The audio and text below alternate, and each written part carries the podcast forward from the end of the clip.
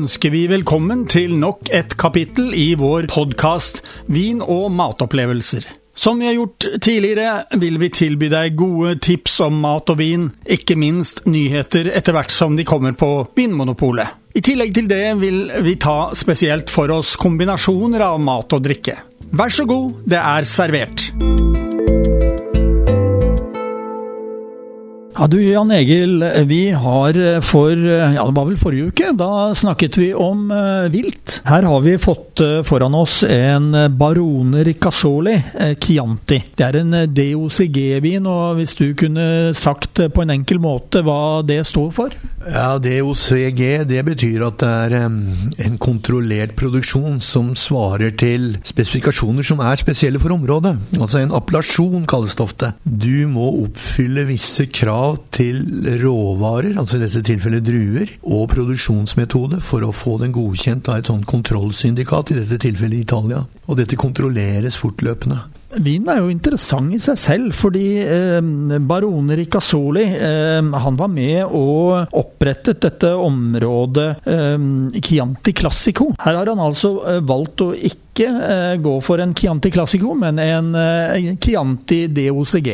Ja, og det, det, er jo veldig interessant, da. Så det skulle vært interessant å vite hvorfor han har gjort det. Men det er klart at jeg vil tro at en sånn stor vinterprodusent ønsker å ha viner i forskjellige retninger.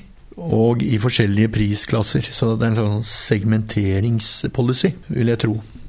Vi har jo eh, tidligere nevnt at eh, disse, mm, ja, noen av de produsentene vi har vært innom, de har mange års erfaring eh, bak seg. Barone Ricasoli de, de startet opp da på ettermiddagen i 1141, så da, da, begynner det å bli noen år. Det var ikke i går. Så disse har produsert vin omtrent siden, siden vikingtiden i Norge. Og det er mye kunnskap, mye tradisjon, og det er vel kanskje noe av det som har vært retta av kritikk mot, mot disse Chianti-merkeordningene at de er for tradisjonsbundne.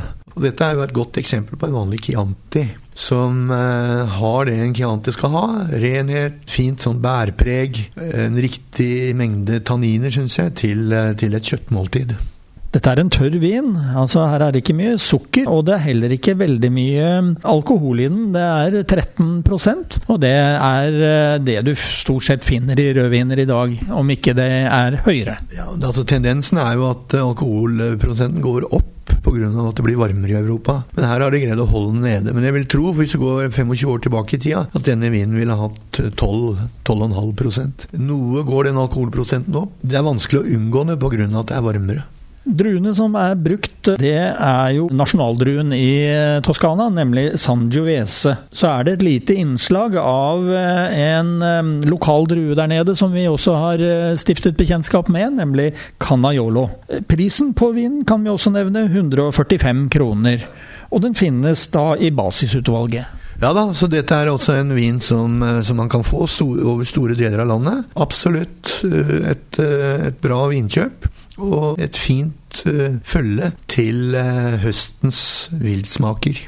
For eh, denne er anbefalt da eh, ikke bare til eh, vilt, men også til eh, diverse kjøttretter, gryteretter og kan også nytes alene.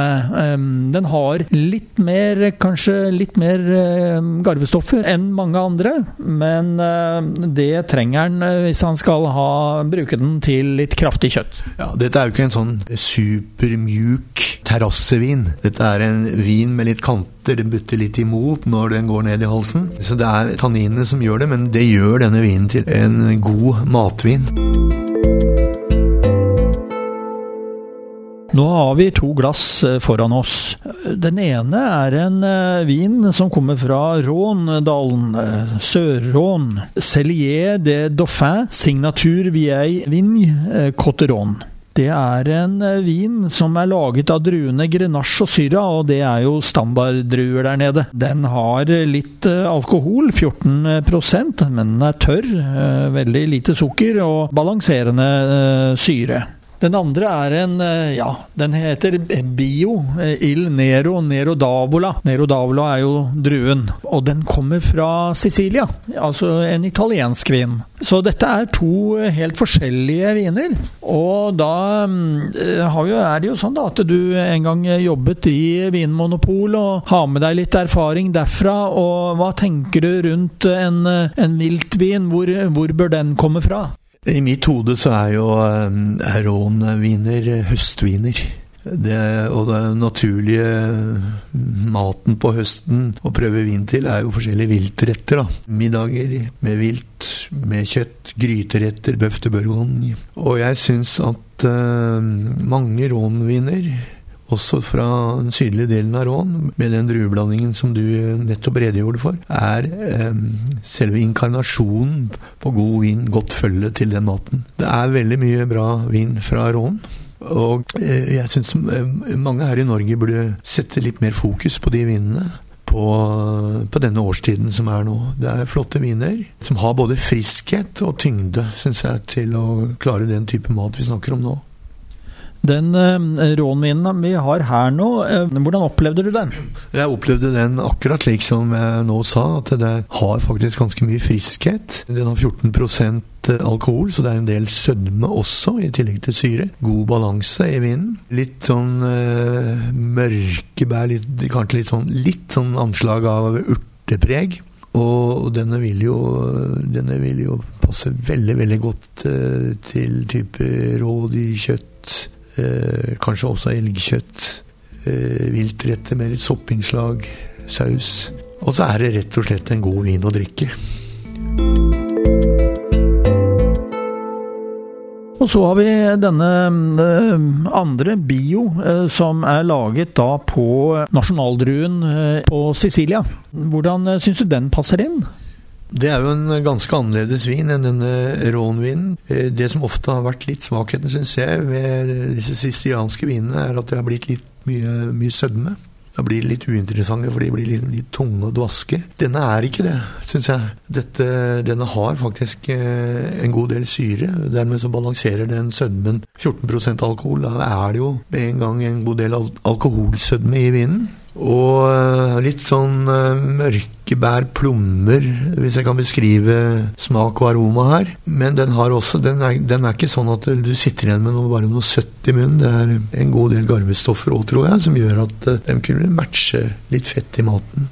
Og eh, Hvordan er, syns du forskjellen på disse vinene er? Det er jo altså forskjellige druer, som vi har vært inne på. Så um, i utgangspunktet så burde de jo smake forskjellig. Ja, det som jeg vil si, det er at jeg syns at denne rånvinen har en god del mer friskhet da i seg, hvis jeg kan si det. Sånn, litt sånn kvikkere i munnen med litt, litt, mer sånn umiddelbart syrlig preg enn Nero Davola-vinen. Den er liksom litt tyngre, på en måte.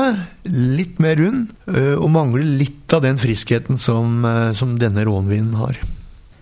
Begge vinene er jo da anbefalt til kjøttretter. Og øh, denne rånvinen den er anbefalt da både til grillet kjøtt, til skinke, men også pasta og pizza og lasagne eller hvitt kjøtt. Så ehm, det er altså stor eh, variasjon i hva man kan bruke den til. Bio eh, fra Sicilia, den er jo da ehm, anbefalt til smaksrike kjøttretter. Eh, og med svin, eller ehm, også anbefalt til myke oster. Hva tror du om det? Ja, Det tror jeg ville gå veldig bra. En, et tips som ble gitt meg, er at Nero Davola-viner egner seg bra som innslag i sauser. Den har liksom litt sødmen, den aromaen som kreves for å sette litt, eh, sette litt sånn særlig preg på sausen. Det var litt morsomt. Det var en kokk som det ble referert til her vi, vi var nå, som brukte prioriterte Nero d'Avola-viner, sicilianske viner, i sausen. Men eh, det er jo noe mer sukkerinnhold i denne enn i denne rånvinen som vi prøvde. Og eh, det er vel egentlig hovedforskjellen her, at den eh, går på friskhet, sødmeinnhold. Men absolutt en av de gode Nerodol-vinene jeg har smakt. Da har du fått dagens podkast fra Radio Riks Oslo om mat og vin. Hvis du ønsker å abonnere på den, slik at du får den automatisk når nye blir lagt ut, kan du gjøre det. Kommende mandag får du neste kapittel. Vi høres!